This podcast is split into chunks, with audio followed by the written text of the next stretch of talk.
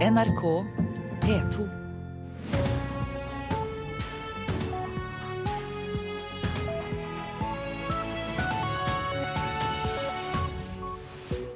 Øystein Heggen tar deg gjennom nyhetene denne morgenen. Hovedsaker i Nyhetsmorgen. Antall terrorangrep er mer enn sjudoblet siden år 2000.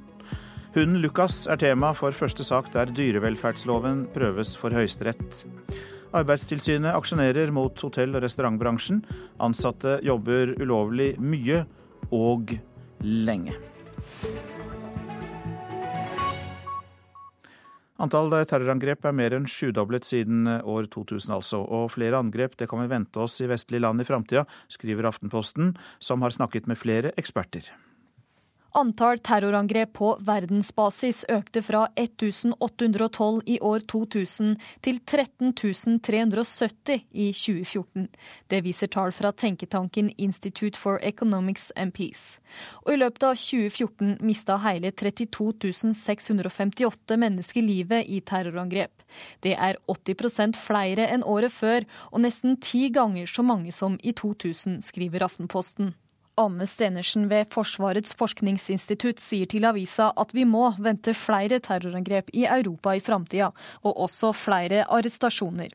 Av terrorangrepene sto IS og Boko Haram for over halvparten av terrorangrepene i 2014.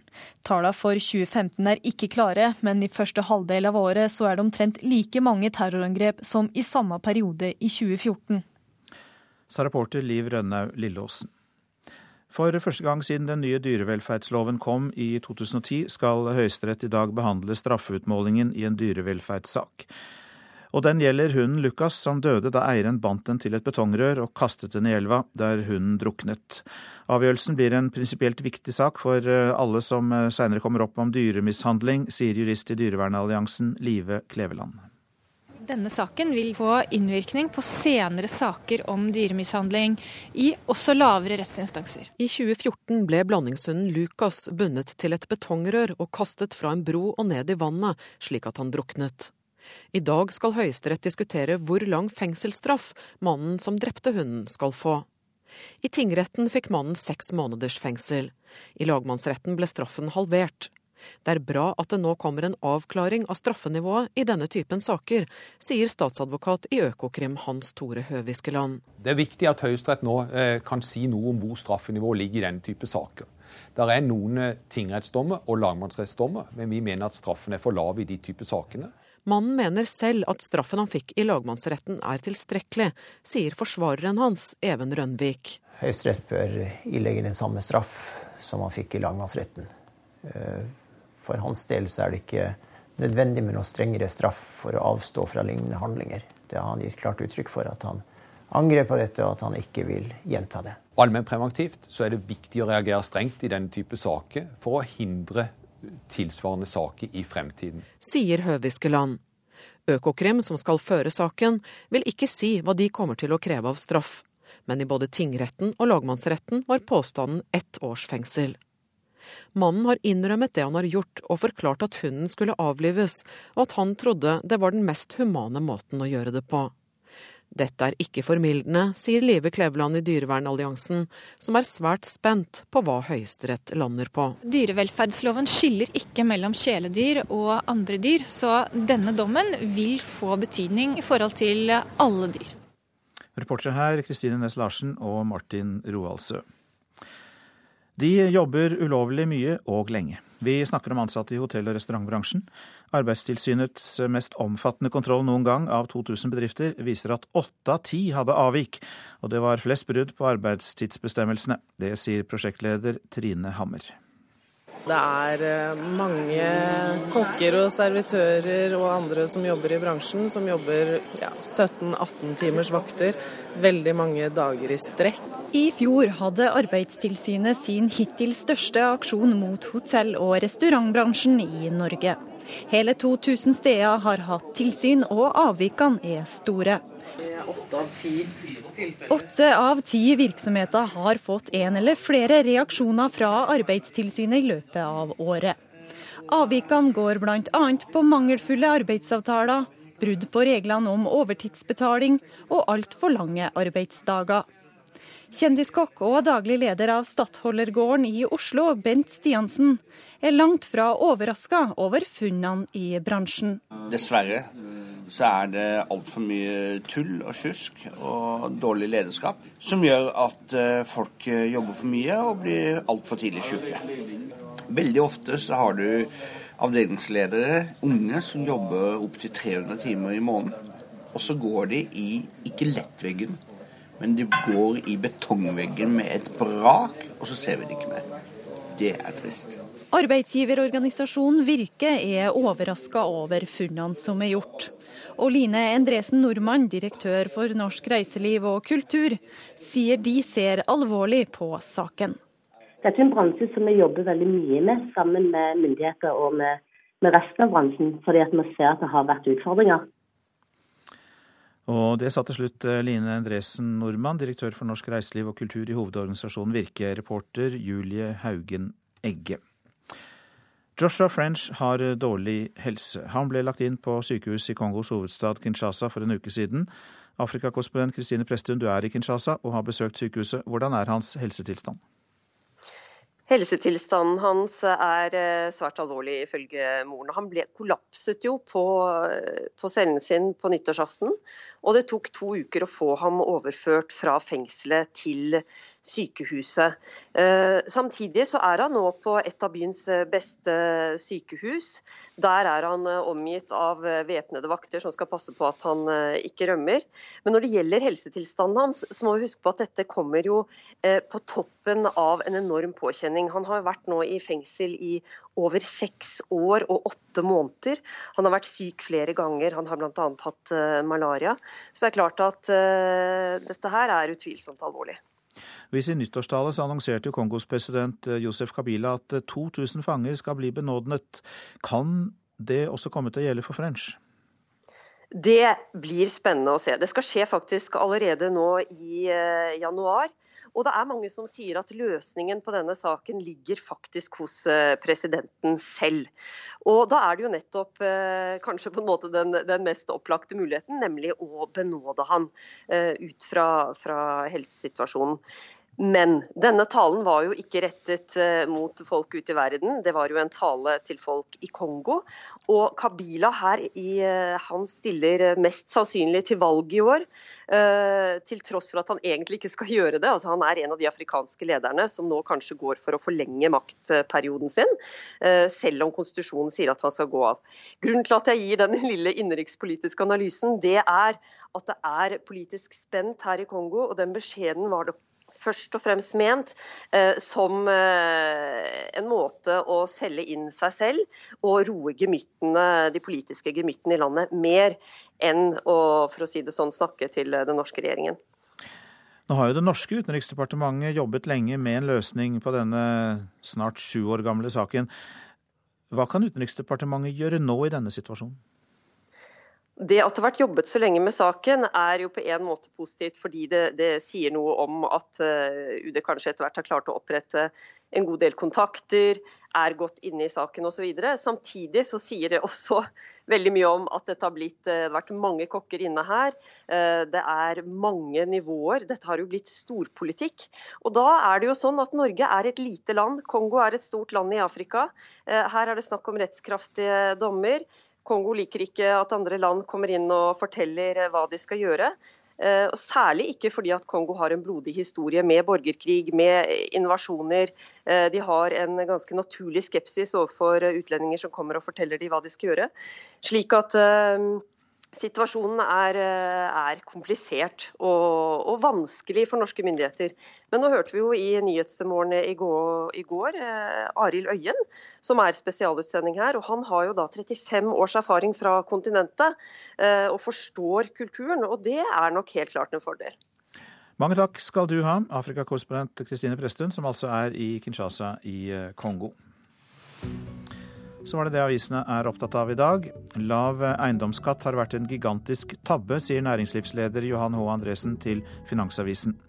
Ferd-lederen sier bedrifter lider fordi kapitalen flommer til eiendomsmarkedet, og at enorme verdier ligger saltet ned i eiendom. Politiet kastet hårbevis i Tina-saken, kan vi lese i VG. Forsvareren til en av de siktede i saken ba politiet sjekke beslag av hårstrå som ble funnet i en bil den gangen, men de er kastet. Målbeaktig å kaste bevis i en straffesak som ikke er løst, sier forsvarer Olav Sylte. Nestlederen i Senterpartiet stoler ikke på Sylvi Listhaug, er oppslaget i Klassekampen. Anne Beate Tvinnereim vil stoppe utsendelse av flyktninger til Russland inntil de har fått en reell behandling av asylsøknadene. Man setter ikke folk på buss i minus 40 eh, grader. Det er ikke verdig for Norge. Det sier Sør-Varangers ordfører Rune Rafaelsen fra Arbeiderpartiet til Dagsavisen. Sikringsskap tok fyr. Pass på belastningen i sprengkulda, kan vi lese i Nordlys. Elektriske anlegg får stor påkjenning gjennom høyt strømforbruk, og kan framprovosere svakheter i anlegget og resultere i brann.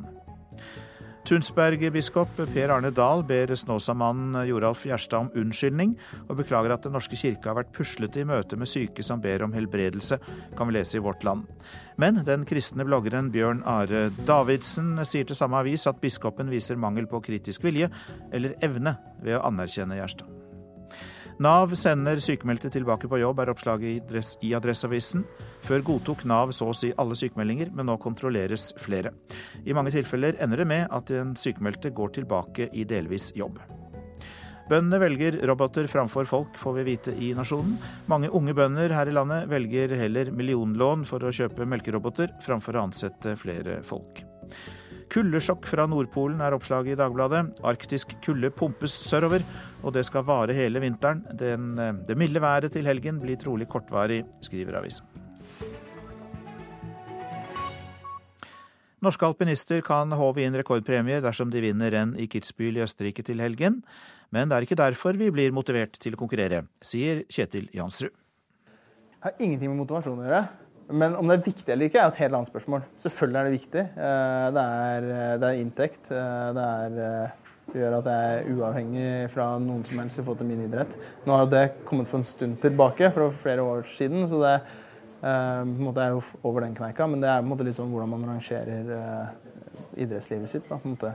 Fra å få leve på stipender til å ha små sponsorer, mamma og pappa, til å på en måte kunne tjene såpass mye penger. Og så er det jo helt åpenbart at hvis man vinner Kitzbühel, så er det ikke snakk om å overleve lenger. Altså, da lever du godt. For 90 000 euro gir en førsteplass i premiepenger, og med dagens kurs på nesten 10 vil det si i underkant av 900 000 kroner. I tillegg legger Skifabrikken til en tilsvarende sum i bonus. Dermed vil en seier bety rundt 1,8 millioner kroner inn på konto.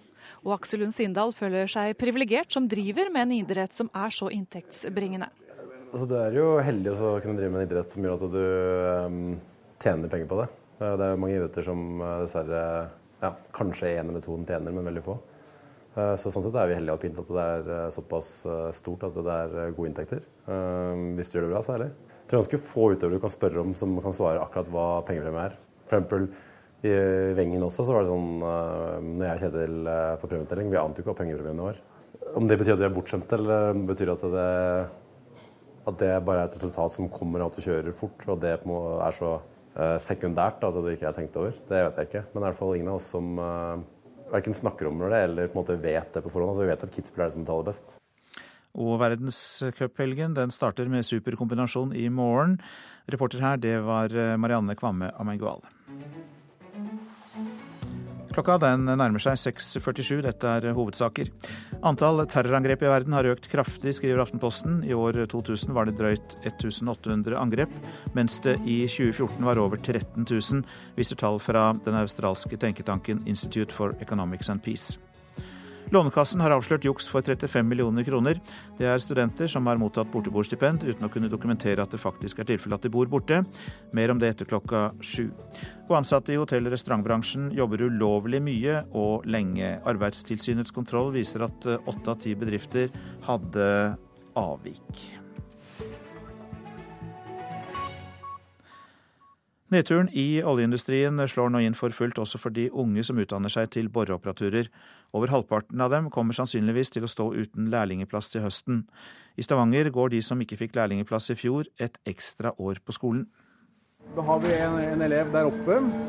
Du ser bak vinduet der. Sitter en stol der. Og han opererer da den rørhåndteringsmaskina der. Du vil da se etter hvert at han henter borerør og, og bringer det da til, til brønnsenteret som er her.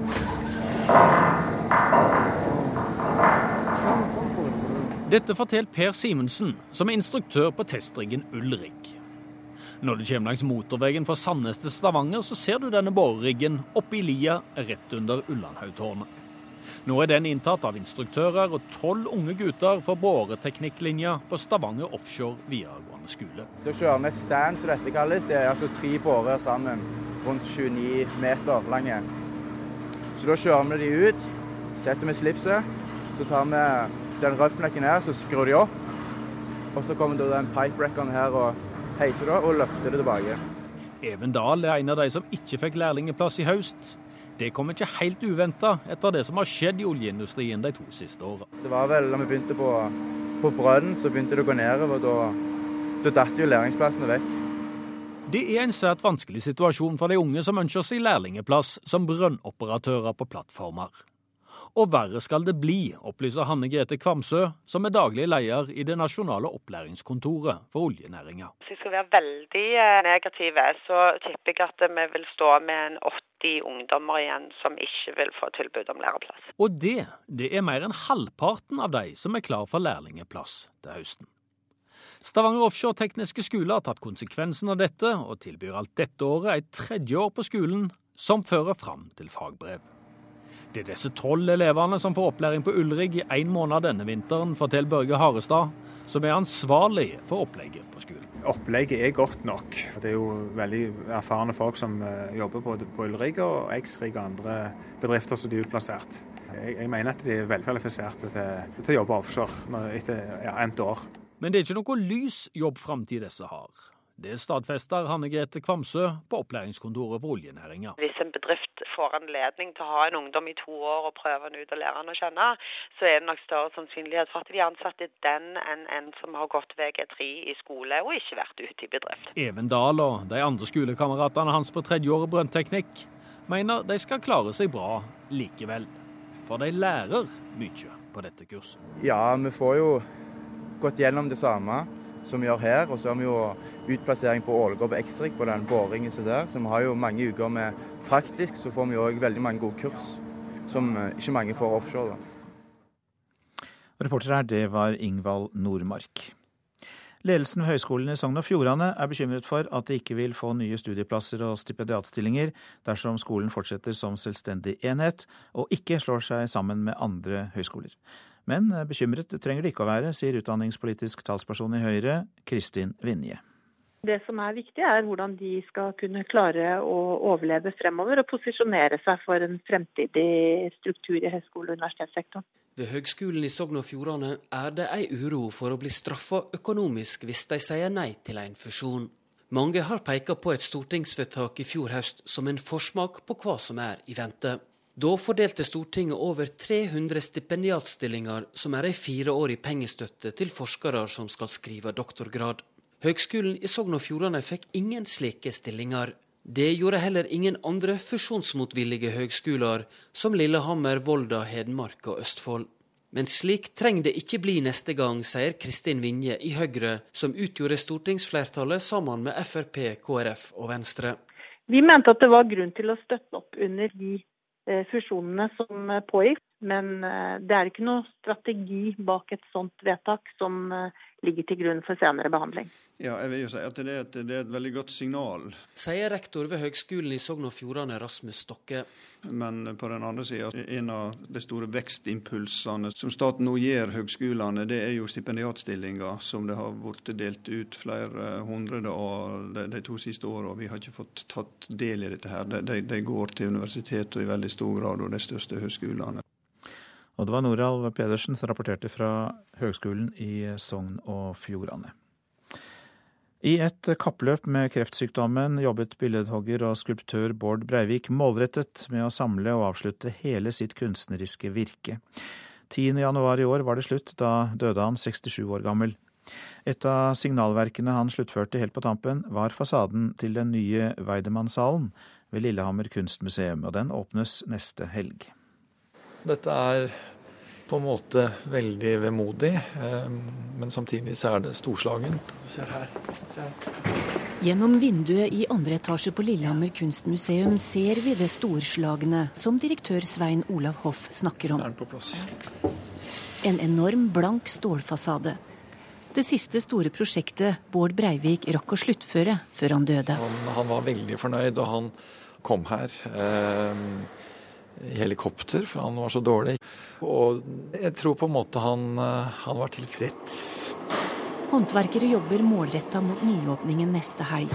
Breivik, som før jul i 2014 fikk påvist uhelbredelig kreft, jobbet like målretta mot sin deadline. Du kan si at sykdommen på mange måter har eh, tvunget deg til å rydde opp.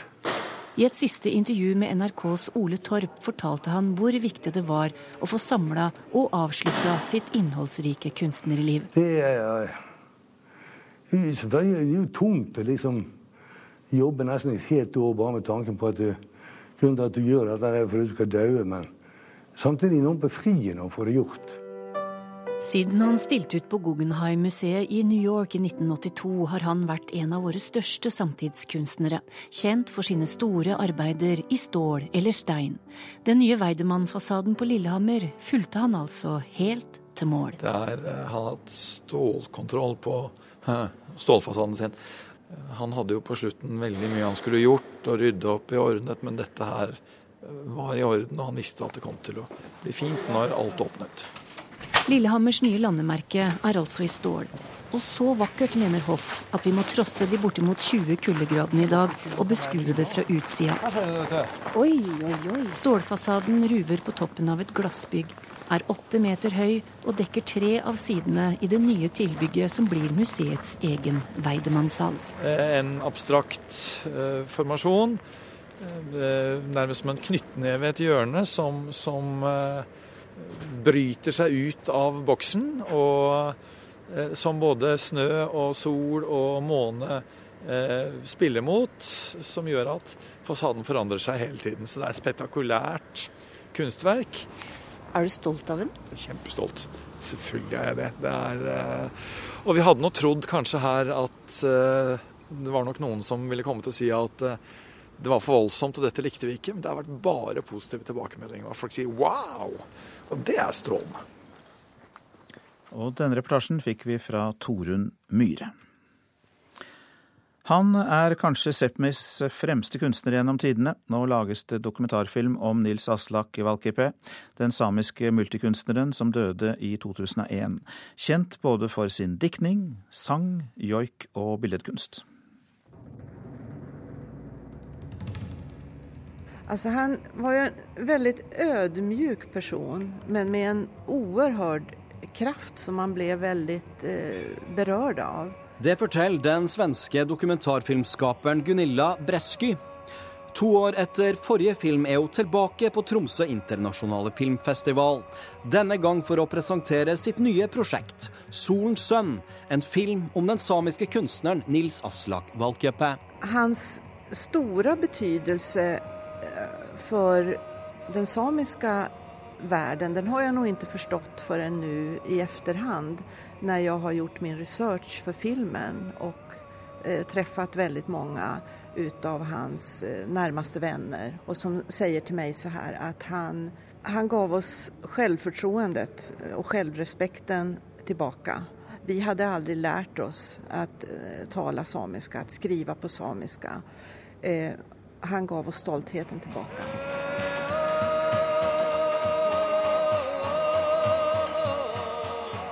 Nils Aslak Valkeapää var samen som ikke kunne ta liv. Reindrift ble derfor valgt bort til fordel for musikk, billedkunst og poesi. I dag betraktes han som Sápmis kanskje viktigste kunstner gjennom tidene. Gunilla Breski samarbeida med Nils Aslak Valkeapää på 90-tallet, bl.a. om musikkverket 'Goasse dusje'. Og sjøl om hun kjente Valkeapää, er det å lage dokumentar en nesten umulig oppgave, mener hun. Framförallt derfor at jeg er ikke same og jeg kan, kan ikke samiske språket så jeg, kom, jeg, forstår jo ikke hele vidden av hans eh, Altså, jeg er en dam fra stan men han fikk meg å forstå eh, naturens krafter Og han tog meg med inn i sin verden og forsøkte forklare eh, sin filosofi og sitt sett å se på livet og mennesket og naturen. Og det er det som jeg vil forsøke å berette for andre. Og Gunilla Bresky blir intervjuet av Rune Norgård Andreassen, og går alt etter planen, så blir det premiere på filmen om Nils Aslak Valkeapää på Tromsø internasjonale filmfestival om ett års tid. Så var det værvarselet. Fjell i Sør-Norge. Enkelte snøbyger i nord første del av dagen, ellers stort sett pent. Østafjells stort sett pent. På Østlandet kan det bli lokal frostrøyk. Vestlandet enkelte sludd- og snøbyger nord for Sognefjorden først på dagen, ellers mye pent vær. Fra i ettermiddag sørøst liten kuling på kysten nord på Vestlandet, og i kveld også liten kuling i sør. Trøndelag enkelte snøbyger, i kveld fortsatt enkelte snøbyger på kysten og sørvest liten kuling der, men ellers i Trøndelag oppholdsvært til kvelden. Nordland får enkelte snøbyger, flest i ytre strøk. Utpå ettermiddagen sørvest liten kuling utsatte steder. Så går vi til Troms, som får liten sørlig kuling utsatte steder, og i kveld stiv kuling på kysten. Det blir enkelte snøbyger i Troms, eh, mest av det i ytre strøk. Finnmark liten sørlig kuling utsatte steder, spredte snøbyger i kyststrøkene, men ellers til dels pent vær. Og Nordensjøland på Spitsbergen får oppholdsvær, men seinere kan det komme litt snø. Og vi eh, tar temperaturene målt klokka fire, og det er selvfølgelig mest minus. Svalbard lufthavn minus 12, Kirkenes 27, Vardø 9, Alta 19, Tromsø 6, Bodø 5. Alt eh, minusgrader. Men Brønnøysund eh, hadde null, Trondheim minus 1, Molde 0. Bergen minus 8, Stavanger minus 5, og vi fortsetter med minus. Kristiansand 18, Gardermoen 19, Lillehammer 13, Røros 6 og Oslo 13. NRK P2.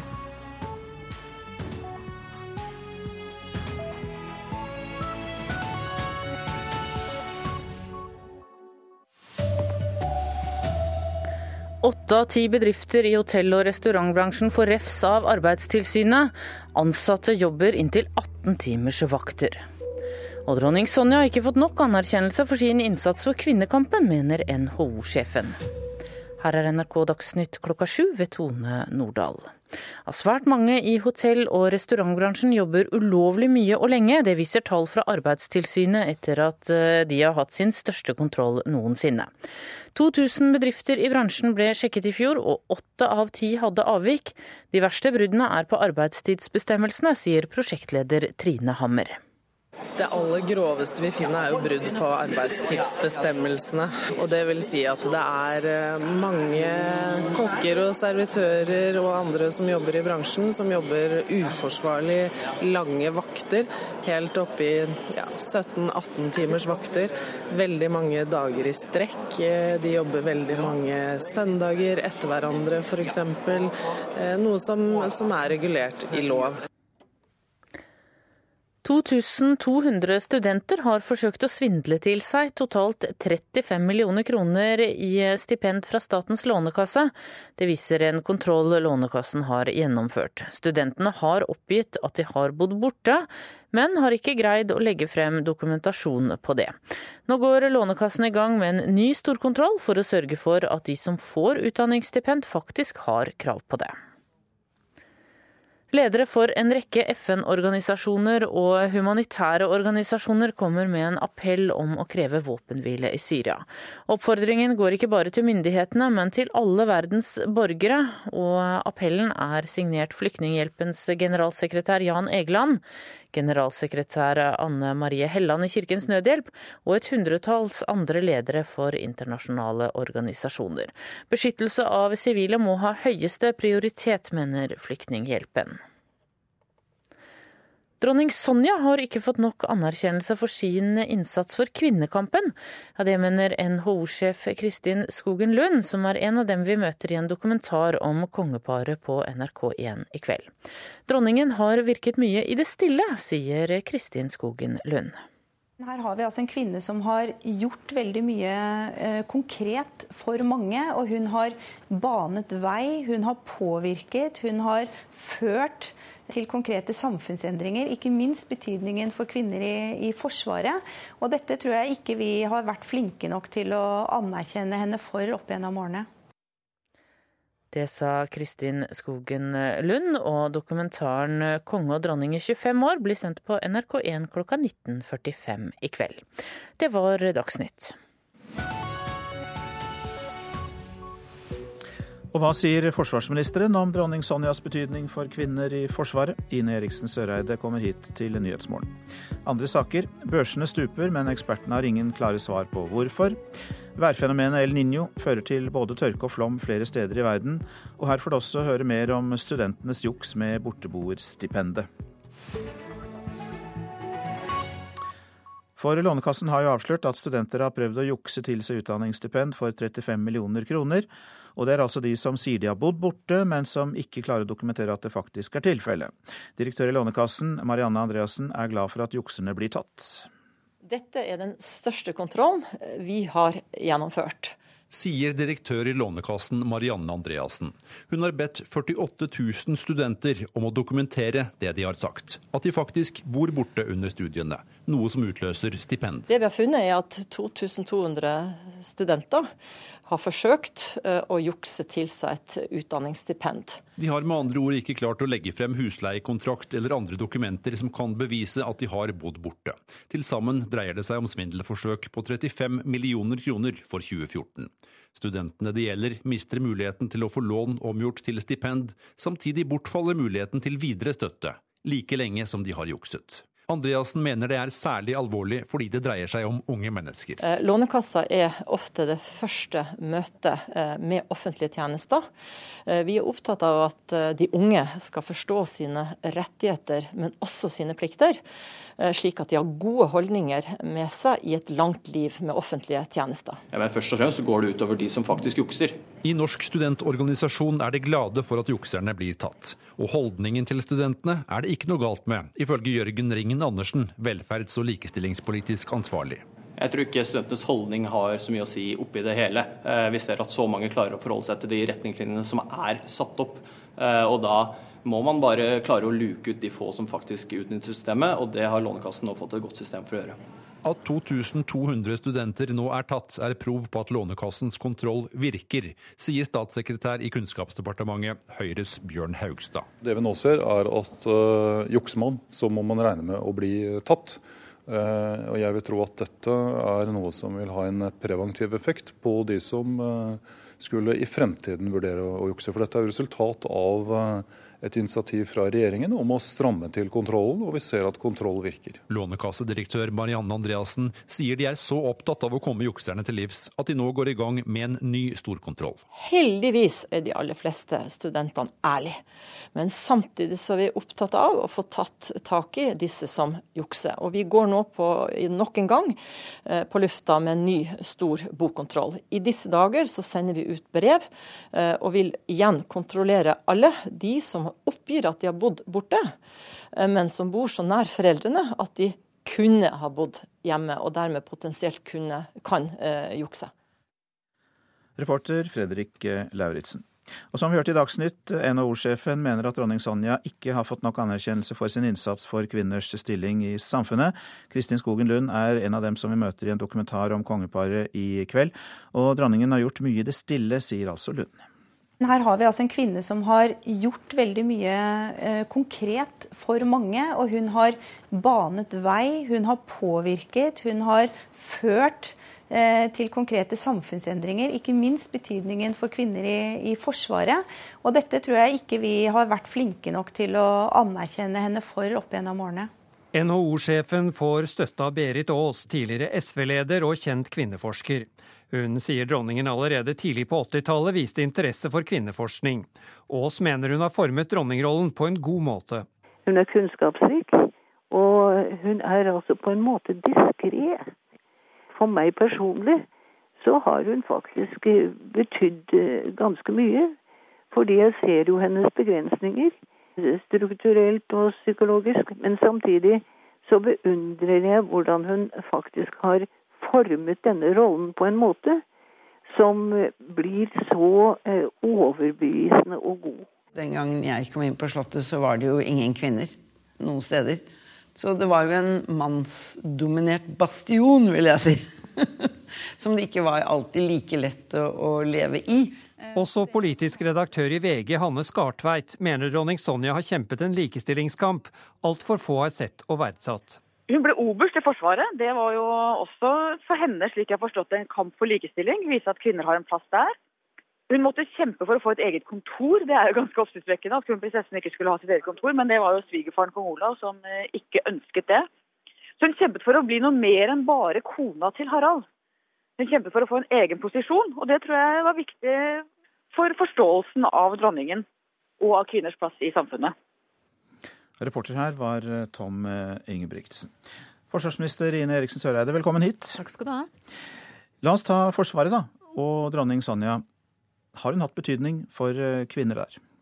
Har jo hatt enorm betydning. Dronninga har jo generelt vært veldig opptatt av kvinners stilling i samfunnet, likestilling. Men det har også hatt en stor betydning for Forsvaret. Og antageligvis ser vi virkningen av det i større grad nå, i ettertid, enn vi gjorde den gangen. Hun trådte jo inn i Forsvaret og kom med både uttalelser og meninger på et tidspunkt, slutten av 70-tallet, begynnelsen av 80-tallet, som den gangen ikke var eh, allment akseptert. Og hun gikk foran, stakk hodet fram og mente noe sterkt om kvinners naturlige plass i Forsvaret. Og det har betydd mye. Men kan ikke dette være en vennlig overdrivelse? At en eh, gallionsfigur opptrer beundringsverdig, det er jo fint. Men eh, hvorfor skulle dette virke nedover i systemet og nedover mot kvinnelige soldater? Det har hatt enorm betydning på særlig to områder. Det ene er at dronninga veldig bevisst har engasjert seg i Forsvaret. Hun har deltatt på kurs, på utdanning, hun har deltatt på opphold hos Nato. Hun har tatt eh, Forsvarets høyskoleutdanning. Og det er klart at den kunnskapen hun har om Forsvaret, betyr veldig mye når hun er ute og møter de som er i Forsvaret. Og det andre er at hun på et veldig tidlig tidspunkt valgte å ta en slags risiko, stikke hodet fram og mene at kvinner hadde en naturlig plass i Forsvaret. Det har vært et forbilde for mange kvinner både i og utenfor Forsvaret i åra etterpå. Og jeg tror ikke man skal undervurdere den betydninga det har også for dagens generasjoner. Hvordan ble det mottatt eh, av det politiske Norge da daværende mm, kronprinsesse Sonja ble oberst og senere brigader? Det var nok eh, i en periode litt eh, blanda mottagelse i det politiske landskapet, men jevnt over så var jo dette noe som ble ønska velkomment. Nå skal det jo også sies at eh, daværende kronprinsesse Sonja allerede i 1980 uttalte seg etter å ha vært på et kurs på Jørstadmoen om at kvinner hadde en naturlig plass i Forsvaret, og kunne gjøre jobben like godt og av og til bedre enn menn. Og det er klart at det skapte nok eh, noen reaksjoner eh, noen steder, men det var jo et helt riktig standpunkt, og det har jo bana vei for veldig mye i Forsvaret seinere. Ble kanskje begeistring i salen av det? Ja. Men burde dronningen iføre seg uniform oftere og besøke militære enheter og ta noen inspeksjoner og hilse på folk? Ja, dronningen har jo alltid vært engasjert i det og deltatt både på øvelser og under inspeksjoner. Og dronningen er hjertelig velkommen når som helst eh, hvis hun skulle ønske å delta enda mer eh, i de sammenhengene. Men um, Norge fikk jo da i 2008 sin første kvinnelige admiral, og flere mente den gang at dronningen også burde stige i gradene. For det er jo slik i Norge at uh, Grunnloven sier at kongen alltid skal ha den høyeste grad i Forsvaret, og da burde det kanskje heller ikke være kvinner i Forsvaret som har høyere grad enn dronningen? Altså, dette er jo en vurdering også kongehuset må gjøre, eh, og det får være en, eh, en, vurdering som de tar. Men jeg tror vi, når vi ser tilbake, og det er jo en god anledning til det nå i forbindelse med 25 år, 25-årsjubileet eh, til kongen og dronninga, så tror jeg vi i mye sterkere grad forstår og kan anerkjenne den innsatsen dronninga har lagt ned. Ikke bare som forbilde for eh, kvinner i og utafor Forsvaret, men også hvordan hun allerede på et tidlig tidspunkt, så, sent, nei, så tidlig som i 91, markerte kvinners innsats under krigen og hedra kvinnelige krigsveteraner, og på en ganske elegant og effektiv måte fikk brakt fram i lyset at dette ikke bare hadde vært menns krig, men også kvinners krig får du tid til å se dokumentaren i kveld, 'Konge og dronning i 25 år', eh, klokka 19.45? Ja, og om jeg ikke får sett den, så har jo NRK etter hvert et så godt nett-TV-tilbud at jeg skal nok få sett den etterpå. Tusen takk for den reklamen. Takk skal du ha, forsvarsminister Ine Eriksen Søreide. I går eh, stupte Oslo Børs og børsene verden over igjen og igjen, først og fremst fordi oljeprisen har nådd nye bunnivåer. Da. På New York-børsen har Standard Poor-indeksen falt, um, falt 10% siden nyttår. Ekspertene kan ikke gi et entydig svar på den kraftige børsnedturen, og det bekymrer. Og det skaper også frykt for at fallene vi ser nå, kan være de første tegn på en større krise. How can the banks let this happen? It's fueled by stupidity. But that's not stupidity, that's fraud. Om en drøy uke har filmen The Big Short premiere på norske kinoer. Den handler om det som skjedde i 2007. Da den ville boliglånspraksisen til amerikanske banker skapte en global finanskrise. De voldsomme børsfallene den gangen, som etter hvert førte til at storbanken Lehman Brothers gikk over ende, hadde én hovedårsak. Men børsfallene vi ser nå, er ikke like lette å forklare, peker New York Times på i en analyse i dag. Siden nyttår har de amerikanske aksjene falt med mer enn 10% Fallene i Kina og andre steder har vært enda større. Svekket vekst i Kina har ført til store fall der. Men det burde ifølge ekspertene ikke ha en slik voldsom effekt utenfor landets grenser. Oljeprisen er blitt mer enn halvert siden juni, og det er selvsagt en viktig årsak til børsuroen.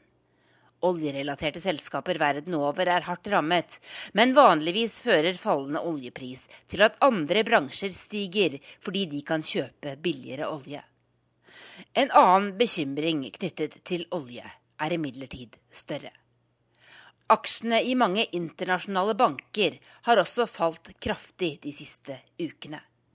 Mange banker har lånt ut store summer til oljebransjen. Dersom disse lånene har vært for risikofylte, kan de forfalle og skape en situasjon som ligner den råtne amerikanske boliglån skapte i 2007, frykter enkelte eksperter. I så fall kan verden stå overfor en større krise enn først antatt. Det er umulig å spå hvordan det hele vil utvikle seg videre. Det er imidlertid et faktum at nedgangstider her i USA eller i den globale økonomien ofte merkes først i verdens finansmarkeder. Også i 2011 og 2000 var det store børsfall. Men de var enklere å forklare med henholdsvis eurokrisen og den amerikanske internettboomen som hadde blåst opp mange selskaper. Nå er bildet mer usikkert. Jeg tror dette året vil bli svært utfordrende, sier direktør Sam Stowell i Standard Poor's Capital til Reuters. Han frykter imidlertid ikke en ny global resesjon. Uh, uh,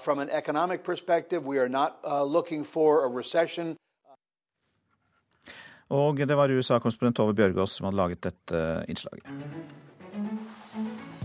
Klokka den nærmer seg 7.16. Dette er hovedsaker. Lånekassen har avslørt juks for 35 millioner kroner. Det er studenter som har mottatt borteboerstipend uten å kunne dokumentere at det faktisk er tilfelle at de bor borte.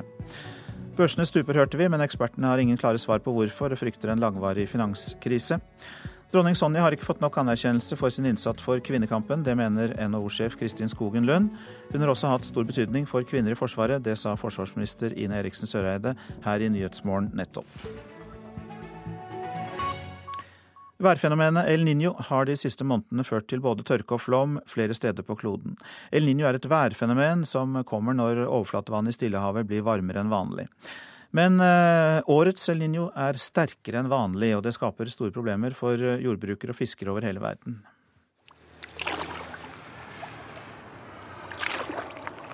En fisker padler nedover Magdalena-elva i Colombia. Aldri før har vannstanden vært så låg som nå og fiskeren må se at fangsten er dårligere enn noen gang før.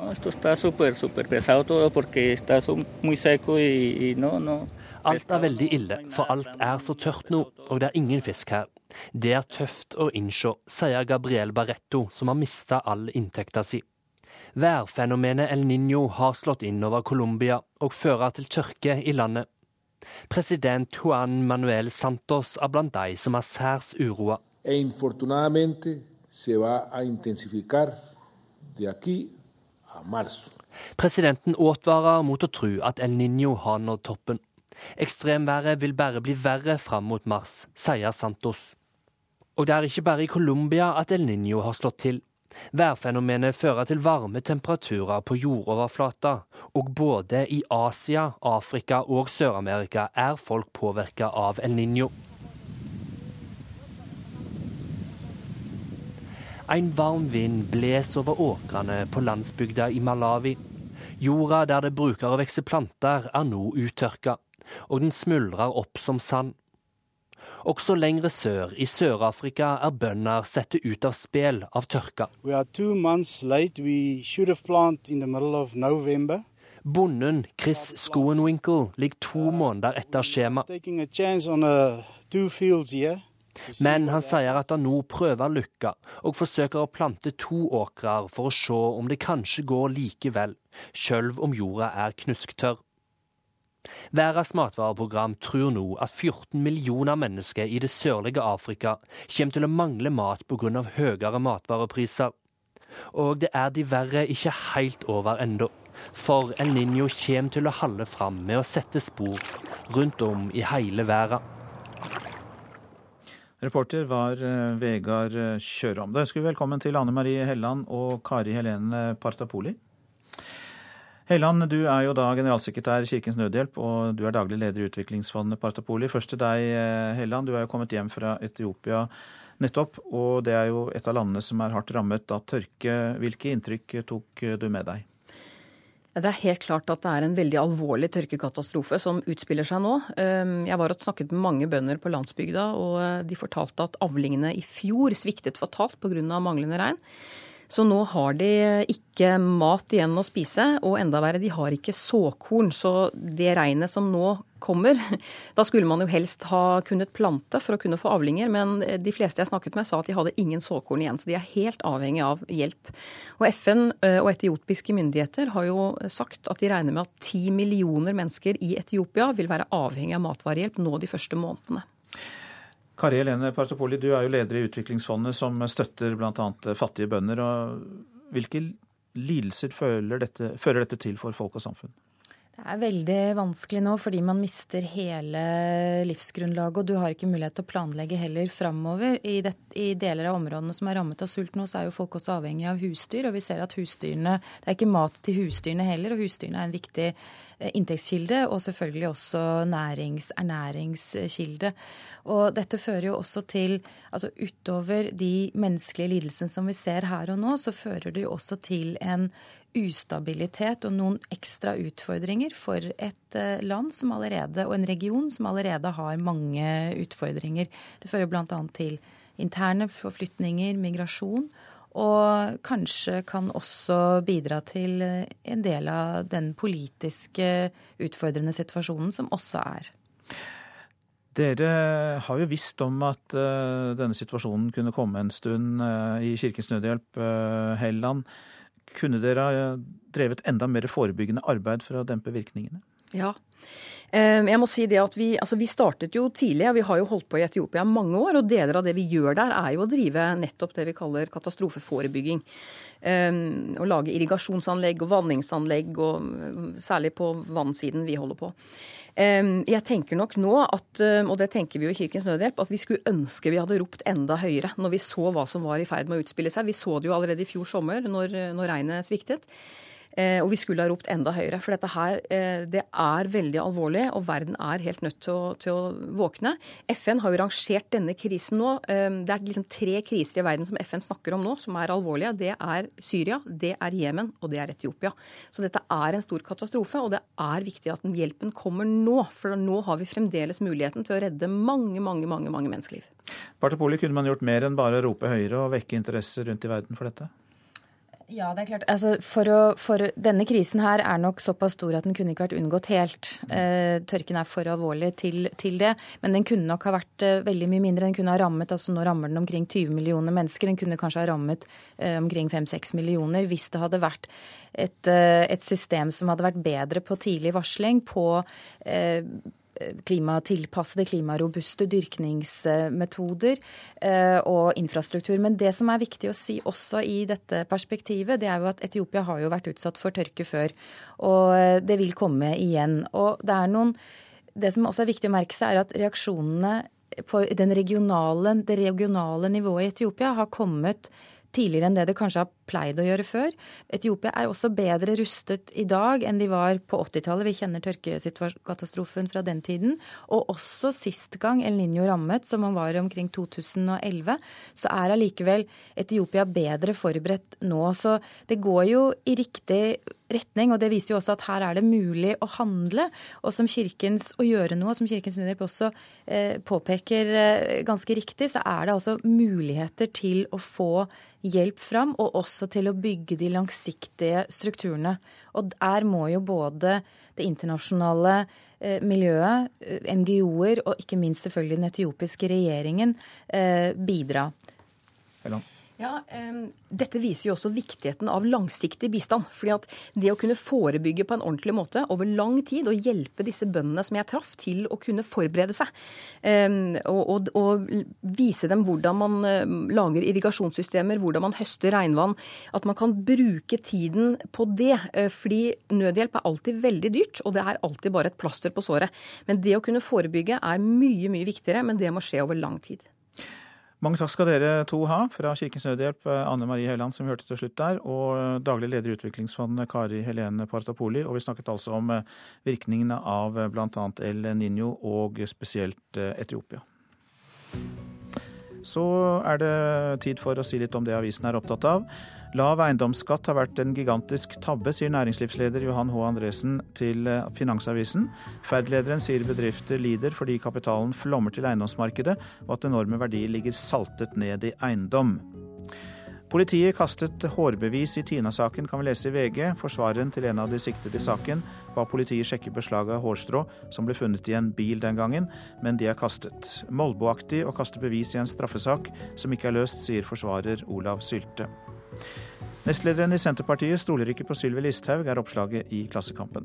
Anne Beate Tvinnereim vil stoppe utsendelsen av flyktninger til Russland inntil de har fått en reell behandling av asylsøknadene. Man setter ikke folk på en buss i minus 40 grader, det er ikke verdig for Norge. Det sier Sør-Varangers ordfører Rune Rafaelsen fra Arbeiderpartiet til Dagsavisen. Sikringsskap tok fyr, pass på belastningene i sprengkulda. Det kan vi lese om i Nordlys.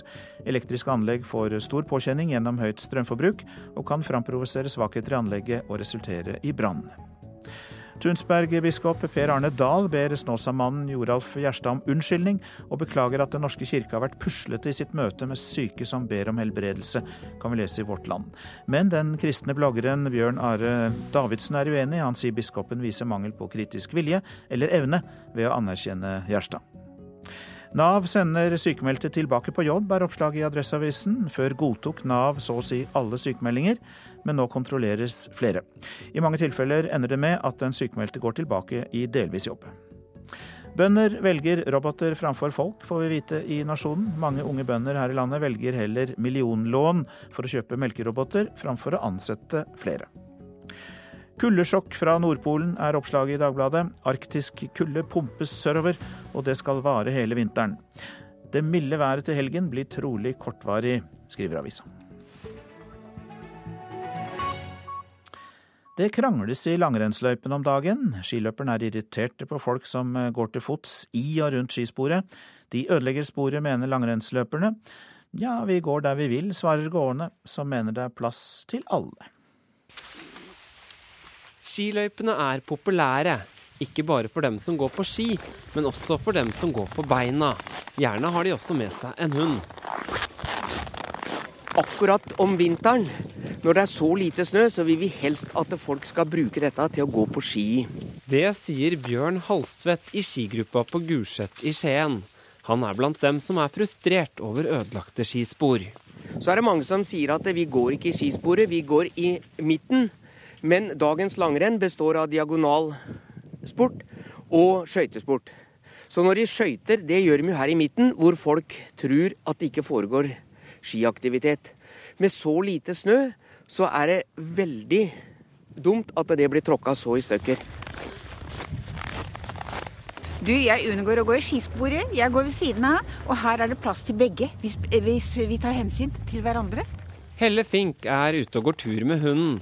Hun går på beina i skiløypene utafor fritidsparken i Skien. Fink mener det bør være plass til både gående og skiløpere i skitraseene. Nei, men det er ikke nødvendig å tråkke i sporet her. Og jeg tror de fleste passer på det og går utenom. Du har to sider å gå på. Så jeg kan ikke skjønne at det er noe problem. Denne dagen skinner sola, og det er mange ute i løypene. Det er omtrent like mange fotgjengere som det er skiløpere. Mange steder er sporet tråkket i stykker, og man kan se massevis av fotspor rundt skitraseen. Ørjan Sem kommer pesende på ski og irriterer seg over fotgjengere han møter.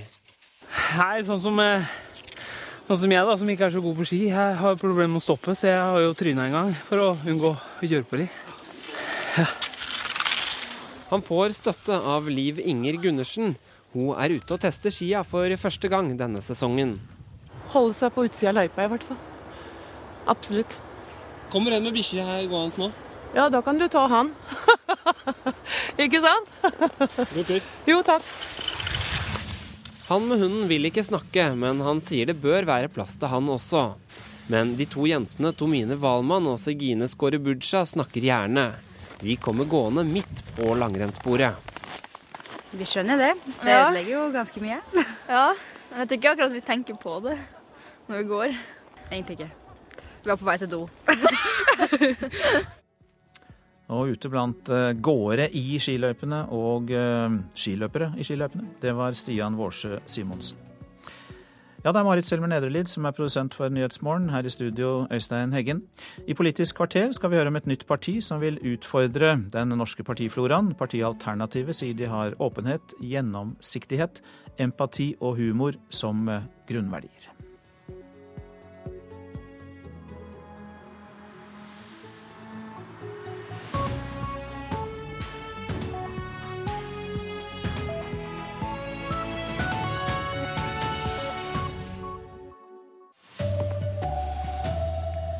Lånekassen tar jukserne. Studenter har prøvd å svindle til seg 35 millioner kroner.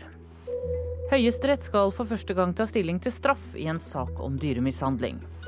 Og dronning Sonja har ikke fått nok anerkjennelse for sin innsats for kvinnekampen, mener NHO-sjefen. Her er NRK Dagsnytt klokka 7.30 ved Tone Nordahl. Studenter som sier de bor borte mens de studerer, har prøvd å svindle til seg 35 millioner kroner i stipend. Det har Lånekassen avslørt. Totalt har 2200 studenter prøvd å jukse til seg penger de ikke skulle hatt.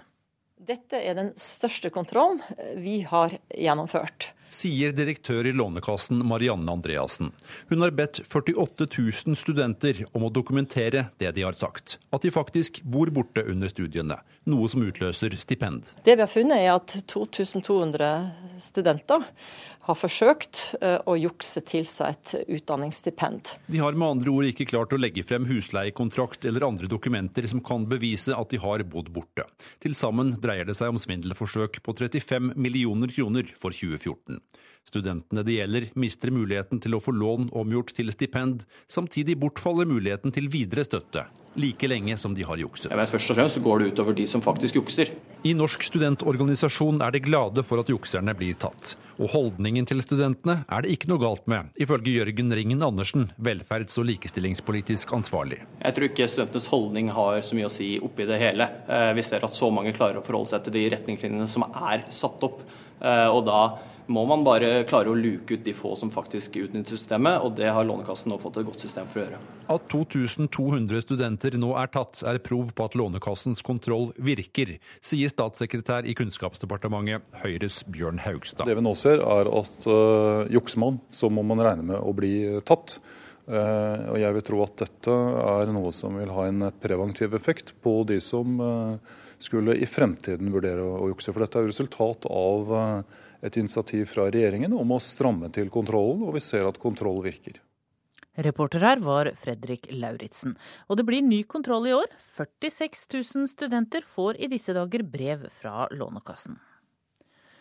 For første gang siden den nye dyrevelferdsloven kom i 2010, skal Høyesterett i dag behandle straffeutmålingen i en dyrevelferdssak. Lucas-saken, der en mann er dømt for å ha bundet en hund til et betongrør og kastet den i elva så den druknet, blir prinsipielt viktig for alle saker om dyremishandling. Det sier jurist i Dyrevernalliansen Live Kleveland. Denne saken vil få innvirkning på senere saker om dyremishandling i også lavere rettsinstanser. I 2014 ble blandingshunden Lucas bundet til et betongrør og kastet fra en bro og ned i vannet, slik at han druknet. I dag skal Høyesterett diskutere hvor lang fengselsstraff mannen som drepte hunden skal få. I tingretten fikk mannen seks måneders fengsel. I lagmannsretten ble straffen halvert. Det er bra at det nå kommer en avklaring av straffenivået i denne typen saker, sier statsadvokat i Økokrim Hans Tore Høviskeland. Det er noen tingrettsdommer og lagmannsrettsdommer, men vi mener at straffen er for lav i de typer sakene. Mannen mener selv at straffen han fikk i lagmannsretten er tilstrekkelig, sier forsvareren hans, Even Rønvik. For hans del så er det ikke nødvendig med noe strengere straff for å avstå fra lignende handlinger. Det har han gitt klart uttrykk for at han angrer på dette, og at han ikke vil gjenta det. Mannen har innrømmet det han har gjort, og forklart at hunden skulle avlives, og at han trodde det var den mest humane måten å gjøre det på. Dette er ikke formildende, sier Live Kleveland i Dyrevernalliansen, som er svært spent på hva Høyesterett lander på. Dyrevelferdsloven skiller ikke mellom kjæledyr og andre dyr, så denne dommen vil få betydning i forhold til alle dyr. Reportere her var Kristine Næss Larsen og Martin Roaldsø. Politiet i Pakistan mener de vet hvem som sto bak terroraksjonen mot et universitet i går. 21 mennesker ble drept. Med taktfaste rop mot Taliban og terroristene, som i går skjøt og drepte 21 mennesker ved et pakistansk universitet. For bilder av blodige mennesker inne på sovesalen på universitetet er en uhyggelig påminnelse av pakistansk Talibans angrep mot skoler nordvest i landet. Og gruppen var raskt ute og tok på seg ansvaret for angrepet. Men noen timer senere rykket en annen talsmann for terrorgruppen ut og avviste at de sto bak. I dag sier politiet at de vet hvem som sto bak angrepet. Vår etterforskning har avdekket hvem angriperne er, og hvem som har støttet dem. Dette er foreløpig sensitiv informasjon, men vi vil informere dere på et senere tidspunkt, sier Ashim Bayawa i det pakistanske militæret på en pressekonferanse i dag. Myndighetene i Pakistan har det siste året satt inn store ressurser i kampen mot ekstremisme, og har innledet en militær offensiv i det konfliktfylte stammeområdet nordvest i Pakistan. Reporter her var Christian Aanensen. Svært mange i hotell- og restaurantbransjen jobber ulovlig mye og lenge. Det viser en opptelling etter at Arbeidstilsynet har hatt sin største kontroll noensinne. 2000 bedrifter i bransjen ble sjekket i fjor, og åtte av ti hadde avvik. Verst var bruddene på arbeidstidsbestemmelsene, sier prosjektleder Trine Hammer.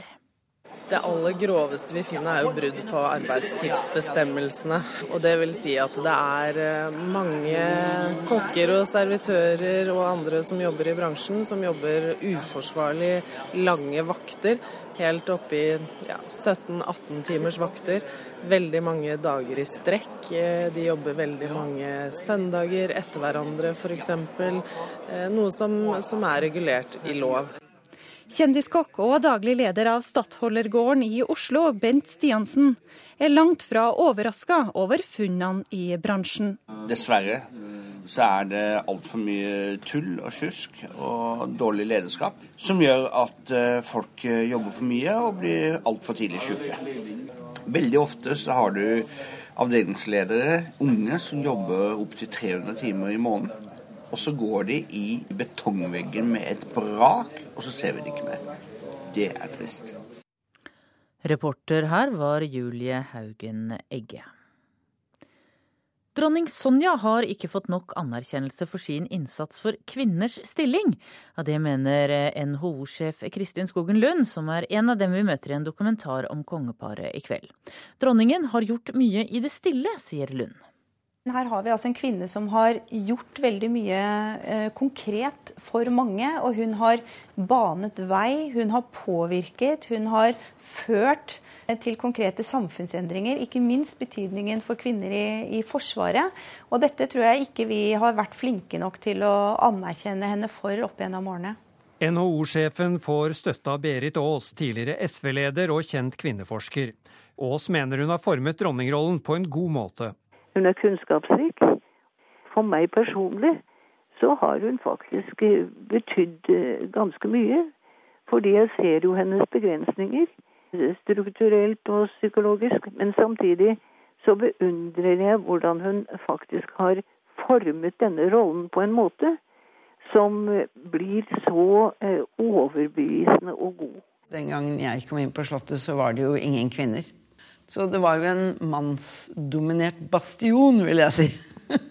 Også politisk redaktør i VG, Hanne Skartveit, mener dronning Sonja har kjempet en likestillingskamp altfor få har sett og verdsatt. Hun ble oberst i Forsvaret. Det var jo også for henne, slik jeg har forstått en kamp for likestilling. Vise at kvinner har en plass der. Hun måtte kjempe for å få et eget kontor. Det er jo ganske oppsiktsvekkende at kronprinsessen ikke skulle ha sitt eget kontor, men det var jo svigerfaren kong Olav som eh, ikke ønsket det. Så hun kjempet for å bli noe mer enn bare kona til Harald. Hun kjempet for å få en egen posisjon, og det tror jeg var viktig for forståelsen av dronningen og av kvinners plass i samfunnet. Reporter her var Tom Ingebrigtsen. Og forsvarsminister Ine Eriksen Søreide er enig i at dronning Sonja har hatt stor betydning for kvinnekampen i Forsvaret, men i begynnelsen skapte hun reaksjoner. Det var nok eh, i en periode litt eh, blanda mottagelse i det politiske landskapet, men jevnt over så var jo dette noe som ble ønska velkomment. Nå skal det jo også sies at eh, daværende kronprinsesse Sonja allerede i 1980 uttalte seg etter å ha vært eh, på et kurs på Jørstadmoen om at eh, kvinner hadde en naturlig plass i Forsvaret og kunne gjøre jobben like godt og av og til bedre enn menn. Og det er klart at det skapte nok eh, noen reaksjoner noen steder, men det var jo et helt riktig standpunkt, og det har jo bana vei for veldig mye i Forsvaret seinere. Og fjerde program i dokumentarserien Konge og dronning i 25 år blir sendt på NRK1 klokka 19.45 i kveld. Ansvarlig for Dagsnytt, Sven Gullvåg.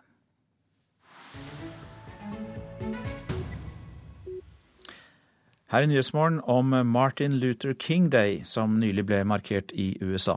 Det er en offentlig høytidsdag, og dermed en fridag, lagt til 3. januar hvert år. Og det er da nært opp til den avdøde nobelprisvinnerens fødselsdag den er 15. januar. Martin Luther King jr. ble født i 1929 i Atlanta, Georgia. Men dagen hans den er blitt noe mer enn bare en hyllest til borgerrettsforkjemperen. Does I have a dream that my four little children will one day live in a nation where they will not be judged by the color of their skin, but by the content of their character. I have a dream today. Men nå er det dessverre slik at mange svarte amerikanere fremdeles opplever Martin Luther Kings ord fra mer enn 50 år tilbake som en drøm. Kampen fortsetter, sa den 89 år gamle Harry Belafonte denne uken. Han marsjerte sammen med King og sto ved hans side i Washington denne augustdagen i 1963. Det har bare gått fra vondt til verre, sa Belafonte. The struggle is still going on. The cruelty of the enemy is as great as ever. His willingness to murder, to kill, to imprison, to deny us justice is as passionate as ever in his place. Det er spesielt én ting i nyhetsbildet som aktualiserer de svartes kamp i USA.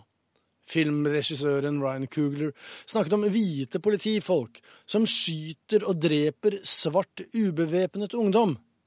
Det mest overraskende ifølge Coogler er at dette ikke er noe nytt. Det har alltid vært sånn. I started to look and find thinkers from different, different times and to read the language that they use and their voices. And I realized that we've been dealing with the same struggles, you know, since we've been here as a community.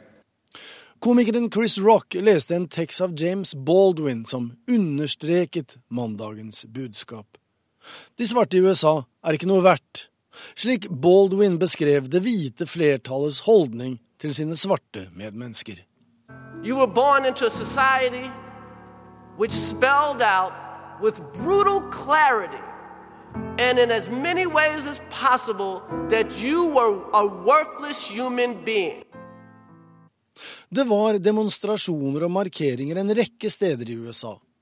Organisasjonen Black Lives Matter stengte f.eks. den meget trafikkerte Bay Bridge i San Francisco og protesterte mot behandlingen av landets afrikansk-amerikanske befolkning ved å låse seg fast. Det ble marsjert, det ble holdt taler, lagt ned kranser og blomster på steder av historisk betydning der Martin Luther King hadde spilt en viktig rolle med sitt nærvær. Presidentkandidat Hillary Clinton benyttet anledningen til et angrep på våpenlovene. Skuddskader er den viktigste dødsårsaken blant unge svarte.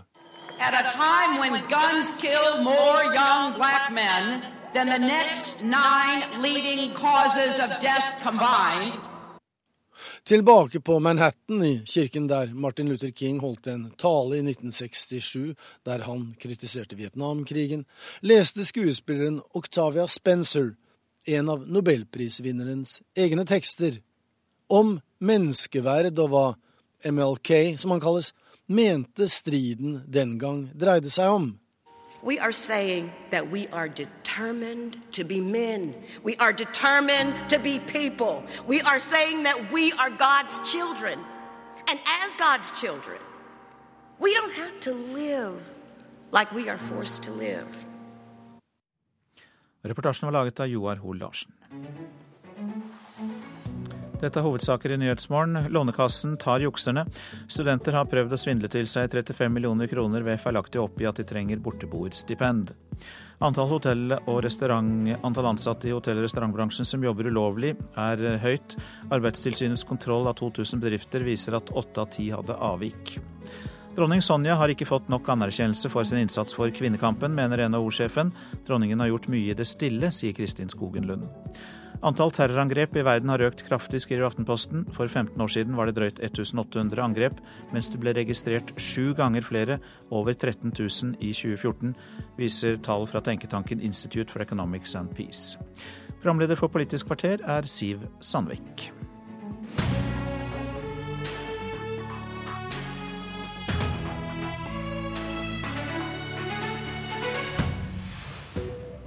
Et lysglimt i ei mørk tid for oljebransjen, eller beviset på at regjeringa lukker øynene for Parisavtalen.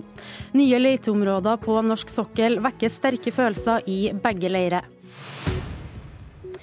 Velkommen til Politisk kvarter, der vi også skal hilse på en nykommer i norsk politikk. Men først skal vi til Stavanger. Denne uka ble det klart at regjeringa tilbyr oljeselskapene 56 nye utvinningstillatelser på norsk sokkel. Og Tina Bru fra Høyre, hvordan blir det her tatt imot i oljebyen? Det blir selvfølgelig godt mottatt. Altså, vi er i en krevende tid. Mange som mister jobben. Ting ser ikke sånn kjempelyst ut om dagen for, for denne industrien. Og da at disse, nye, disse utvinningstillatelsene blir tildelt, og at så mange selskaper ønsker å, å, være med på denne runden, viser jo at det er en optimisme på norsk sokkel, og det lover godt for, for fremtiden. Før vi fortsetter, kan du bare uh, kort forklare forskjellen på denne runden med tildelinga og det som er 23. konsesjonsrunde? Ja, altså 23. konsesjonsrunde handlet om å gi tilgang til helt nye arealer. Altså Det var første gang siden 1994 at uh, oljenæringen fikk tilgang til uh, tidligere uutforskede områder. Mens TFO, uh, altså tildeling i forhåndsdefinerte områder, det, det, fokuserer på de mer modne delene av sokkelen, der hvor vi kjenner geologien, der hvor infrastrukturen er godt utbygd. Så det er ikke et helt nytt areal som man ikke har vært i før, men det er modne arealer som man nå tildeler interesse for på nytt. Mm.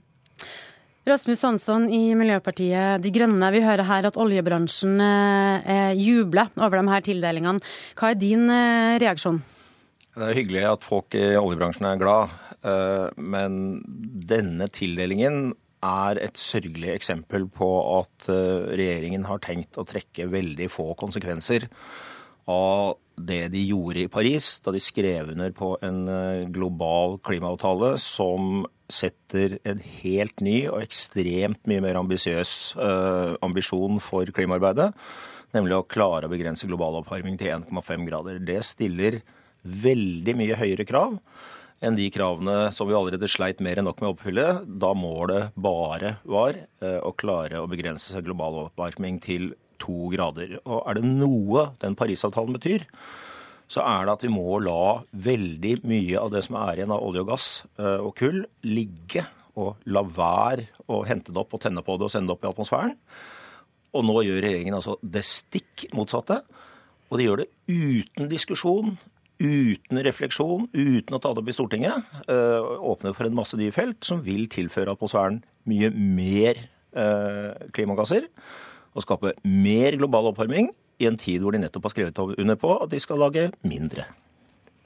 Tina Bru i Høyre, er det noen som helst felt eller områder på norsk sokkel som du mener må forbli urørt som en direkte konsekvens av eh, Parisavtalen?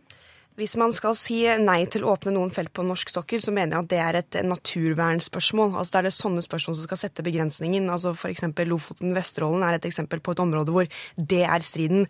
Men heldigvis, altså Vi vet jo at Rasmus Hansson og Miljøpartiet De Grønne mener dette. Men heldigvis så er de stort sett alene. Altså De aller fleste, også på Stortinget, er helt enig i at den klimaavtalen som ble signert i Paris, og Norges innmeldte forpliktelser, som innebærer en felles oppnåelse med EU, er et godt rammeverk for å bekjempe klimaendringene. Og det er litt sånn underlig å høre dette. fordi at hvis man mener det, da Greit, nå mener jo ikke Rasmus det, men de fleste andre mener dette. Så vet vi jo at det, i kvotepliktig sektor i EU, som olje- og gassnæringen er en del av, så skal man kutte med 43% innen 2030. Det betyr at det kuttet kommer uansett, uavhengig av om man åpner nye områder i Norge på olje og gass eller ikke. Fordi taket er satt.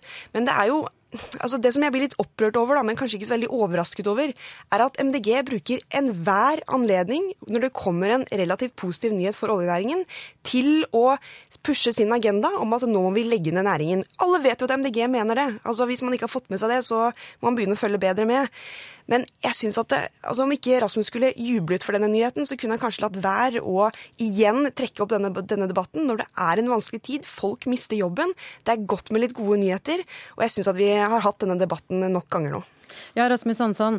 Nå som bransjen sliter, lav oljepris gjør at mange mister jobben. Hadde ikke det vært bedre å, la ting eh, gå som planlagt, og så snakke om en eventuell eh, avvikling av sektoren når folk har fått hodet over vannet? Ja, altså, hvis uh, sektoren skal avvikles, så skal den avvikles. Og grunnen til at vi må avvikle oljesektoren, er jo ikke å høre slem mot folk som jobber i oljenæringa. Det er fordi på tross av alle de flotte tingene som oljenæringa har brakt oss av både penger og kunnskap, så har den altså den effekt at den øker, er med å øke temperaturen på jorda. Og kostnadene for mennesker, eh, og kostnadene økonomisk og kostnadene sikkerhetspolitisk av at vi ikke klarer å begrense eh, temperaturøkningen på jorda, de vil bli så enorme. Og det vet Tina Bru. Det sier eh, Erna Solberg at hun er enig i de blir så enorme eh, at vi overhodet ikke kan ta ansvar for det. Og det blir en type kostnader som vil få problemene i dagens norske oljebransje til å virke som krusninger på en tekopp. Og det er derfor vi er nødt til ikke, som eh, Høyre og andre av og til prøver å skape inntrykk av, at vi mener legge ned oljebransjen over natta, men vi må få i gang en faglig basert diskusjon om hvordan vi skal avvikle den norske oljenæringa på en måte som gjør at vi ivaretar klimaansvaret vårt. Og da kan ikke den eneste modellen vi har, bare være å rulle ut nye, svære konsesjonsrunder, og i tillegg rulle ut dette TFO-opplegget, som på toppen av det hele er en ifølge alle norske miljøorganisasjoner en undergraving av eh, miljøinteressene i eh, oljesektoren. Det blir for lettvint det er ikke i samsvar med Parisavtalens men, mål. Men det vil være behov for olje og gass også i en lavutslippsfremtid. Og for England f.eks. så vil det bli helt umulig for dem å nå sine klimamål hvis ikke de kan få bruke gass til erstatning for kull. Og så må vi ha med oss i bildet her at produksjonen fra norsk sokkel den er mer enn halvert siden 2002. Det vil bli nødvendig med ny produksjon også i et scenario hvor vi når klimamålene. For Norge så betyr dette at det vil være etterspørsel etter vår olje og gass også i den fremtiden. Nå er det lav aktivitet i næringen. Næringen er avhengig av langsiktighet. Derfor er det viktig å tildele disse eh, nye leteområdene nå i TFO-en. Jeg er ikke enig i realitetsbeskrivelsen til Rasmus Hansson. Jeg mener at den er virkelighetsfjern, og den tar ikke inn over seg det globale, komplekse bildet som klimaendringene er, og hvordan energimiksen skal se ut i framtiden.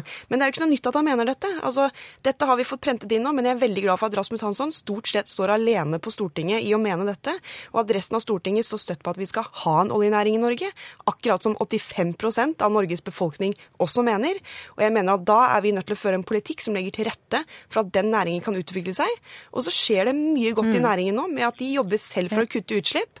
De, de, lanserte jo nå et nytt initiativ i Sandefjord på Sandefjordkonferansen om at de nå skal gå og trekke opp et nytt veikart for å kutte utslipp ytterligere. Det er kjempebra. Vi bør være stolte av næringen. Den er flink, den er teknologioptimistisk, og den kommer til å være en del av fremtiden vår. Kort, eh, Rasmus Hansson. Alle er enige om at norsk oljenæring er dyktig og består av dyktige folk. Problemet er at den olja som vi henter opp fra uh, undergrunnen, den skaper nye og økte klimaendringer. Vi er nødt til å begynne å la olje ligge.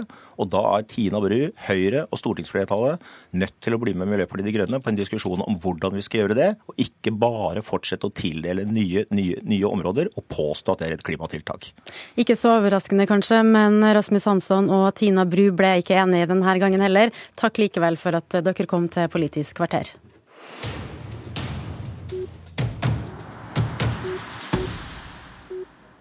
Over 21 partier stilt med lista sist stortingsvalg. Trenger norske velgere enda et eh, alternativ? Det syns i hvert fall du, Kai Asbjørn Sjølin. Velkommen. Jo, tusen takk. Om noen timer skal du og dine partifeller holde en pressekonferanse der dere lanserer partiet Alternativet.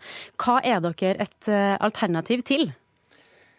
Ja, Vi er et alternativ til de kanskje 21 andre partiene, eh, som har en eh, veldig lik partistruktur, som eh, stammer ja, 150-200 år tilbake hvor eh, det er mer et representativt eh, internt demokrati. Og så har du en leder på toppen som er en slags diktator som kan sitte i mange år, og som ikke gjenspeiler et samfunn eller det demokratiet man ønsker å ha i virkeligheten. Så vi ønsker å bygge et parti som gjenspeiler et samfunn som vi ønsker å ha i virkeligheten. Hvor det er mer uh, utskiftinger, hvor det er uh, større takhøyde og mer åpenhet og, og direkte demokrati. Hva står dere for? Hvilke saker brenner dere for? Vi brenner for eh, deltakelse og demokrati. Vi brenner for eh, de 40 prosentene som valgte å ikke stemme ved forrige valg. Og vi er veldig interessert i å finne ut hvorfor eh, de 40 prosentene ikke deltok i valget, og vil gjerne komme i kontakt med de 40 prosentene for, for, for å utvikle en politikk sammen med dem. I hvor stor grad er dere inspirert av det danske partiet Alternativet, som fikk ni kandidater i Folketinget to år etter at partiet ble stifta? Jo, vi er veldig inspirert. Vi syns det er en helt ny måte å drive politikk på. Uh, man skal ha det gøy når man driver med politikk. Det skal ikke være kjedelig og tungt og masse regler og mange bøker og store ideologier man må lese seg opp på. Man, vi bygger et parti ut ifra noen enkle verdier. Og, og de verdiene er, eh, er, det vi De er mer individuelle. De kan du tolke fra ditt eget ståsted og hvor du kommer fra, istedenfor å måtte lese deg opp på Marx eller Keynes eller hva som helst for å kunne liksom mene noe i et parti. Det skal være enkelt å komme inn i et parti, det skal være enkelt å delta i demokratiet, og det skal være enkelt å, å mene noe og stemme. Du var medlem av SV i 17 år før du eh, meldte deg ut eh, på valgdagen nå i høst. Er dette et oppgjør mot eh, SV, mot norsk venstreside? Nei, det er et oppgjør Eller ikke et oppgjør i det hele tatt. Det er en, en, et forsøk på å å få en debatt om demokratiet vårt. Eh, er jo, nå er det tre promille eh, av befolkningen som er aktive i politikken i dag. Det betyr at 99,7% av befolkningen ikke er med og deltar og utvikler politikk innad i politiske partier. Men er det viktigere for deg at folk er aktive enn, enn hva de mener? Det er litt vanskelig å få tak i hva ja. det politiske prosjektet er? Ja, nei, Det viktigste er å få, få, få, kontakt med folk og høre hva folk er opptatt av, og hvilke saker de er opptatt av. Vi har f.eks. Uh, uh, vi, vi, står overfor noen store kriser nå. Uh, vi har jo klimakrisa, som Rasmus Hansson snakka om. Og så har vi har vi en eh, innovasjonskrise, mener vi i Norge. Vi er bare en råvareleverandør. Vi vil bygge en ny industri og skape arbeidsplasser. Det er veldig viktig for oss. Og jeg tror at de folka som nå har gått ut eh, fra oljebransjen, som er arbeidsledige, de sitter inne med masse kompetanse og masse ideer, og vil gjerne komme i kontakt med de folka og prøve å utvikle en ny politikk og en ny industri for Norge. Politisk kommentator her i NRK, Lars eh, Nehru Sand. Det er ikke hver dag eh, vi får en ny and i dammen i norsk politikk. Hvordan spiller forskjellen på norsk og dansk politikk inn på sjansen for at det faktisk er rom for alternativet også her i Norge? Den forskjellen er jo at det er mye lavere sperregrense i Danmark, så det er mye lettere å komme inn i Folketinget enn det er i Stortinget. Det andre er at her konkurrerer de med Miljøpartiet De Grønne, som, eh, som har tatt en del av de unge, urbane, litt kreative velgerne som kanskje ville vært en interessant målgruppe for uh, partiet. Og så har man både i Miljøpartiet og også Piratpartiet prøvd å ta det demokratioppgjøret som man tar til orde for her, med, med en eh, flatere partistruktur osv. Uh, uten at det nødvendigvis har eh, økt valgdeltakelsen, for å si det sånn. Alle partier har jo vært nye en gang, og hva kjennetegner dem som lykkes? I Norge har det jo vært særlig sånn at de partiene som har vært et alternativ til de store, har eid en saks, eller hatt et sakseierskap til en hel politisk dimensjon, som statsviterne kaller det. Kristelig Folkeparti med, med religion versus sekularitet, Senterpartiet med sentral, eller sentrum-periferi. Eh, SV tok et oppgjør med den internasjonale politikken i sin tid, og ble også et fløyparti, sånn som Frp. Så det har vært litt tydeligere hva som har vært det politiske begrunnelsen for partiets eksistens. Det syns jeg ikke vi ser hos Alternativet, selv om vi skal la de få skrive sitt første partiprogram, selvfølgelig. Eh, men de skillelinjene som sikrer et sakseierskap over tid, og dermed en gjenkjennelighet i debatten, det syns jeg ikke vi ser hos eh, Alternativet. Og da er det lettere til at det blir som med Rødt og Feministiske initiativ, Demokratene, Pensjonistpartiet, Senterpartiet, Piratpartiet og andre, at man har standpunkt, men ikke gjennomslag nok til å eie en politisk debatt over tid. Samtidig så hører vi jo et oppgjør her med karrierepolitikken og det som kalles politiske broilere og langsomme partiprosesser som kan virke fremmedgjørende for eh, velgerne. Eh, det er vel noen som kan sette pris på at noen prøver å tenke litt nytt òg? Absolutt, og at alternativet får 5000 underskrifter som gjør de eh, berettiget til å stille til valg, det, det, kan svært godt være. Eh, men samtidig er det jo et paradoks hvis de som i dag ikke deltar, skal finne et prosjekt som egentlig fordrer enda mer deltakelse av det eh, enkelte medlem ved å stemme ved interne avstemninger og sånn, som det som skal til for at de engasjerer seg. Men det er klart, alle initiativ som, som synes å være til det beste for demokratiet, er jo noe man bør hilse velkomment. Mm. Takk skal du ha, Lars Nehru Sand. Takk for at uh, du uh, kom. Kai Asbjørn Sjølin, dagens Politiske kvarter ble leda av uh, Siv Sandvik. Hør flere podkaster på nrk.no podkast.